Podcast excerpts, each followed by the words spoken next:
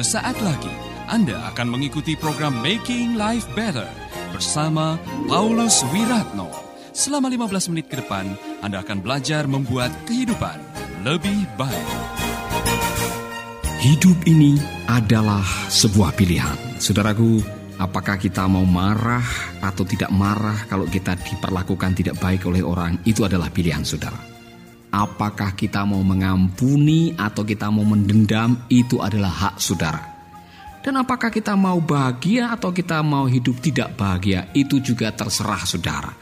Tetapi saya ingin secara pribadi menjadi orang yang bahagia. Salah satu caranya ialah mengampuni semua kepahitan. Dengarkanlah seorang wanita dari Cina yang telah berhasil melalui masa-masa yang sulit karena belajar mengelola pengalaman pahit dengan baik. Dengarkanlah kalimatnya yang saya dapatkan dari sebuah internet. Saya adalah seorang praktisi Dava dari kota Deyang di provinsi Sichuan. Saya mulai belajar Fa pada awal 2003. Saya adalah orang yang terselamatkan dari kanker yang mana sebelumnya telah menjalani dua kali perawatan operasi besar. Saudaraku, ketika saya sedang sakit, suami saya mempunyai perubahan pikiran tentang perkawinan kami, sehingga saya berada di bawah tekanan fisik dan mental, dan hidup saya sungguh pahit.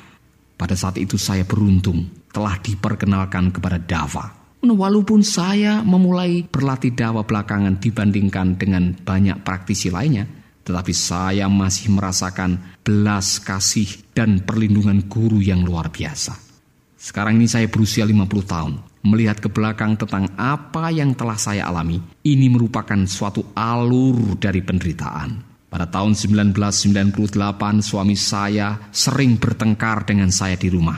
Tidak ada lingkungan yang tenang untuk anak kami yang pada waktu itu sedang bersiap-siap menghadapi ujian masuk perguruan tinggi.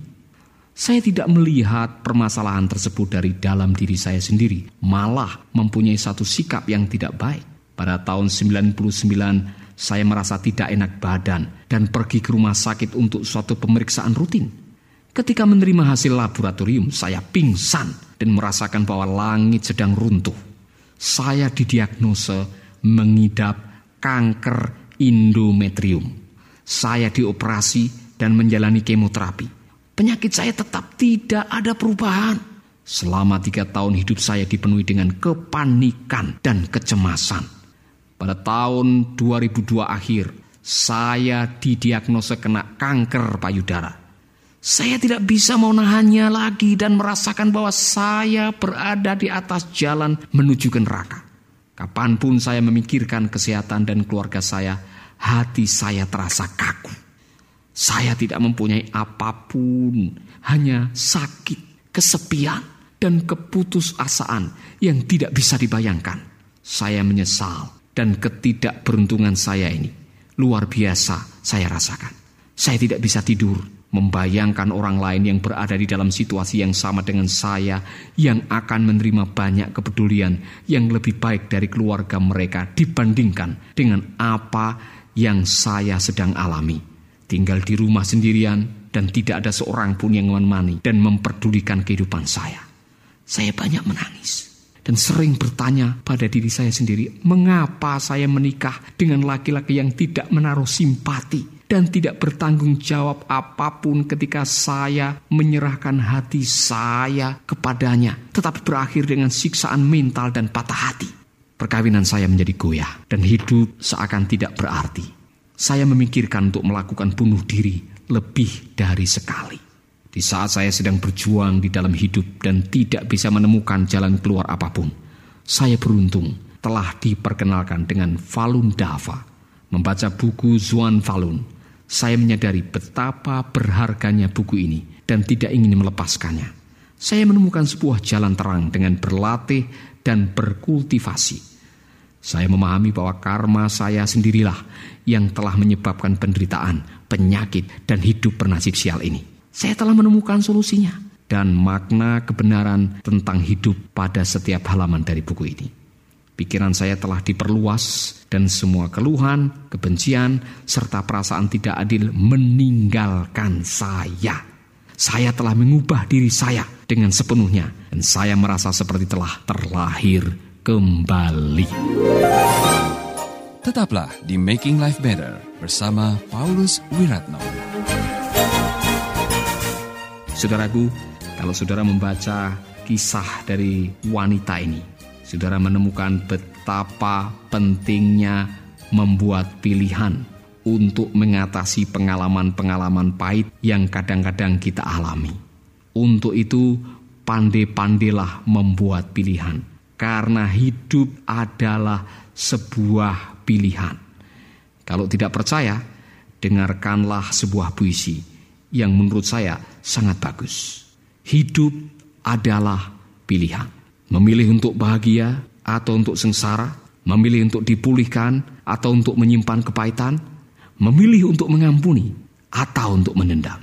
Hidup adalah masalah pilihan. Kebahagiaan semu bisa Anda dapatkan. Yang sejati tidak jauh dari jangkauan. Cinta kasih juga bisa Anda miliki. Namun dendam dan amarah juga bisa Anda alami. Persahabatan yang indah bukan impian. Pengkhianatan dan kepahitan mungkin Anda dapati. Hidup adalah masalah pilihan. Mengenai bagaimana Anda menjalani hidup, mengenai bagaimana Anda menghabiskan seluruh waktu, mengenai bagaimana Anda mencapai impian, dan mengenai bagaimana Anda memandang kehidupan. Ada orang yang menganggap kehidupan sebagai angin yang berhembus. Banyak yang datang dan juga banyak yang pergi. Tak dapat ditebak dan tidak dapat diselami. Ada pula yang menganggap kehidupan sebagai medan peperangan, di mana ia harus berjuang tanpa henti, tanpa kedamaian di hati. Sementara yang lain menganggap kehidupan sebagai kutuk dari yang maha kuasa. Hidup tak lagi berarti bagi dirinya. Ratap tak pernah jauh dari mulutnya. Air mata mengalir siang dan malam sebab hanyalah duka nestapa yang ada. Namun orang yang berbahagia menganggap kehidupan sebagai satu emas yang mulia, hartanan yang sangat berharga, anugerah ilahi yang tak tertandingi. Dijalaninya hidup dengan asa dan impian, berjalan dalam jalan Sang Pencipta, berserah sepenuhnya, melangkah setapak demi setapak, sampai didapatinya mahkota kemuliaan. Hidup adalah masalah pilihan, saudaraku. Yang manakah yang Anda pilih? Tanyalah pada diri sendiri dan jalanilah hidup Anda. Pada akhirnya kita harus memilih. Saudaraku, hari ini saya tidak tahu situasi saudara. Saya tidak mengenal siapa saudara, tetapi saudara mengenal siapa saudara sendiri. Kalau saudara sedang diizinkan harus memilih antara menyimpan dendam atau mengampuni, antara hidup bahagia atau hidup menderita, maka saya sarankan supaya saudara memilih yang terbaik bagi kehidupan saudara. Mungkin saudara mengatakan, Pak Paulus, saya tidak tahu bagaimana saya harus menyikapi pengalaman hidup ini.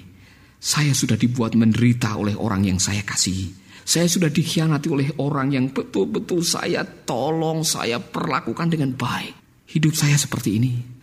Saya rasanya tidak ada harapan lagi untuk menjalani kehidupan ini. Saudaraku jangan putus asa. Marilah datang kepadaku Hei kamu yang letih lesu dan berbeban berat, karena aku akan memberikan kelegaan kepadamu. Serahkanlah segala kekhawatiranmu kepadanya, karena dialah yang memperdulikan kamu. Bukankah Allah adalah Allah yang memberikan pertolongan? Bukankah Yesus datang ke dalam dunia untuk memberikan kelegaan kepada saudara dan saya? Jangan menyerah saudaraku. Bawalah semua pergumulan hidup saudara kepadanya mendekatlah kepadanya karena dia akan mendekat kepada saudara. Carilah, maka kamu akan mendapat. Ketuklah pintu, maka pintu akan dibukakan. Dengan kata lain, jangan menyesal, jangan menyerah, jangan putus asa, dan jangan saudara merencanakan hal-hal yang negatif yang malah menambah masalah. Kalau saudara sempat berpikir untuk bunuh diri, kalau sempat saudara ingin menghancurkan dan, dan balas dendam bahkan membunuh orang yang menyakitkan saudara, tinggalkan itu sekarang marilah kita melakukan tindakan-tindakan yang benar, yang membawa damai, yang bisa menolong saudara mengatasi situasi ini, bukan malah menambah kesulitan. Mungkin saudara bertanya kepada saya, dapatkah saya memiliki pengharapan dalam situasi seperti ini? Jawabannya ialah ya. Dan berharap kepada Tuhan tidak pernah mengecewakan. Tapi Pak Paulus, menurut saya keadaan saya nampaknya sudah tidak ada harapan lagi. Itu menurut saudara. Di dalam Tuhan selalu ada keajaiban. Saudara mungkin mengatakan, tidak mungkin. Bagi Tuhan, semuanya mungkin. Dia adalah Allah yang mengasihi saudara. Dia bisa melakukan hal-hal yang menurut Anda tidak mungkin bisa menjadi mungkin. Yang perlu saudara lakukan ialah berserah kepadanya. Do your best and God will do the rest. Saudara mungkin mengatakan lagi kepada saya, Pak Paulus, bagaimana caranya saya bisa keluar dari situasi seperti ini? Pertama-tama, saudara, datanglah kepada Tuhan. Kalau selama ini engkau tidak pernah mengenal Yesus sebagai Tuhan dan sahabat yang bisa menolong saudara, undanglah dia masuk ke dalam hati saudara dan katakan, Yesus, aku perlu engkau. Tuhan Yesus, aku mau engkau menjadi sahabat karibku. Aku mau engkau menjadi Tuhan dan Juru Selamatku. Setelah saudara mengundang dia, serahkanlah segala kekhawatiran saudara. Dan datanglah kepadanya dengan hati yang sungguh-sungguh. Dan saudara tidak perlu sulit-sulit untuk meminta kepadanya. Ucapkan dari dasar hati saudara. Berdoalah sesuai dengan hati nurani saudara. Kalau saudara sakit, katakan Tuhan aku sakit. Dan sudah begitu lama aku sakit. Aku perlu kesembuhan, sembuhkanlah aku. Kalau saudara sedang menderita karena sakit hati diperlakukan tidak adil, katakanlah, ekspresikanlah perasaan saudara kepadanya. Dengar baik-baik, ia adalah suci adanya. Ia maha mendengar, ia maha mengasihi, untuk itulah ia datang ke dalam dunia. Ia ingin menjadi sahabat saudara. Ia ingin menolong saudara. Ia ingin menyelamatkan saudara. Dan ia ingin supaya saudara memiliki kehidupan yang penuh dengan kedamaian dan kelimpahan. Anda masih mengikuti Making Life Better bersama Paulus Wiratno. Mari kita berdoa dan menyerahkan semuanya kepada Dia. Bapa kami di dalam surga, kami datang kepadamu bersama-sama dengan sahabat-sahabat kami yang sedang menghadapi masa-masa sulit dalam kehidupan mereka. Pengalaman pahit yang telah melukai batin, pengalaman-pengalaman penderitaan yang telah menghabisi pengharapan. Tuhan aku mau mengundang engkau sebagai Tuhan dan Juru Selamatku. Menjadi sahabat karibku, menjadi teman di waktu susah. Tuhan aku mau menyerahkan semua kekhawatiran dan rasa takut. Dan aku mau jawaban dalam kehidupanku ini. Berikanlah aku pengharapan yang baru, urapan yang baru, kekuatan yang baru, keajaiban yang baru. Yang perlu kesembuhan, berikanlah kesembuhan. Yang perlu dorongan, berikanlah kata-kata pengharapan yang sedang membutuhkan pertolongan, lakukanlah mujizat untuk kehidupan mereka. Tuhan, aku berdoa agar hari ini menjadi hari yang penuh mujizat. Dan biarlah hari ini engkau akan mengulurkan tanganmu untuk sahabat-sahabatku. Di dalam nama Tuhan Yesus Kristus aku berdoa. Amin. Dan kalau saudara sudah menerima mujizat dari Tuhan, pertolongan dari Tuhan, pengharapan yang baru, gairah yang baru untuk menjalani kehidupan ini, jangan lupa kirimkan kesaksian saudara dalam program Making Life Better. Dan saudara akan memberkati banyak orang. Tuhan memberkati. Baru saja Anda mendengarkan Making Life Better bersama Paulus Wiratno.